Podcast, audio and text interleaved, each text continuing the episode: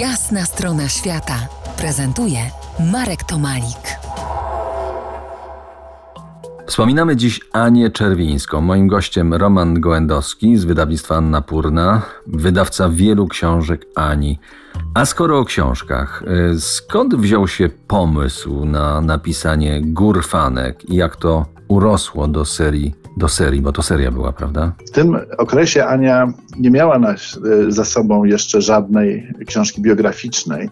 I tak wydawało nam się dosyć to dziwne, bo fantastycznie umiała przedstawić te realia górskie. Napisała kilka książek, ale one dotyczyły poszczególnych wypraw. Przyznam że w pewnym momencie no, powstał właśnie ten pomysł, żeby jednak to przelać na papier, z tym, że y, no, kto miałby być y, tym pomocnikiem jakby Ani, bo Ania była w ciągłym ruchu i właściwie sama zapewne tego by nie zrobiła. To musiała być osoba, która ją y, no, troszeczkę napędzi, ukierunkuje, czy może oczywiście wtedy już się stosowało tą metodę długich wywiadów, czyli no, po prostu ktoś nagrywa i, no, i z tego się tworzy tekst. No tak, tak wyszło, że, że jakby Ania się w moją stronę skierowała.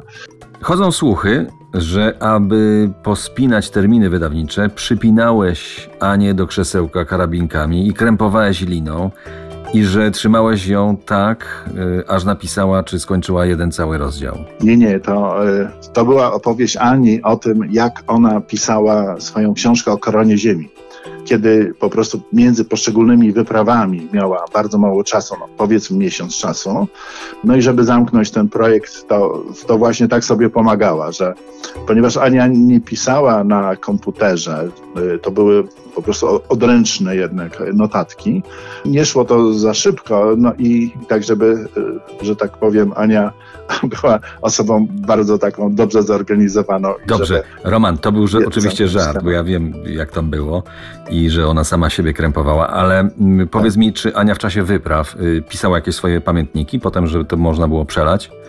Myślę, że mogły powstawać jakieś pamiętniki z tym, że nasze książki powstawały jakby w wielu fazach i w tej fazie, gdzie ona wspominała czasy alpejskie, tatrzańskie, wtedy wspomagała się pamiętnikami. Natomiast tam, gdzie opowiadała o swoich tych najnowszych wyprawach, które się działy raptem kilka lat wcześniej, to jakimiś drobnymi zapiskami, które być może po prostu się zawsze umawialiśmy, że na tej sesji e, będzie opowiadana ta czy inna wyprawa i, i Ania robiła jakieś tam małe zapiski dosłownie na jednym stronie i to jej wystarczało. No miała fantastyczną pamięć, ona się po prostu przenosiła w czasie i no czuło się, że ona jest w tamtym czasie i w tamtej przestrzeni. No właśnie, y, myślę, że tak jak mnie się udało ją poznać, ale też znam opinię innych osób, to był ogromny intelekt y, w tej jednej istocie. Do rozmowy o górfance, czarodziejce Ani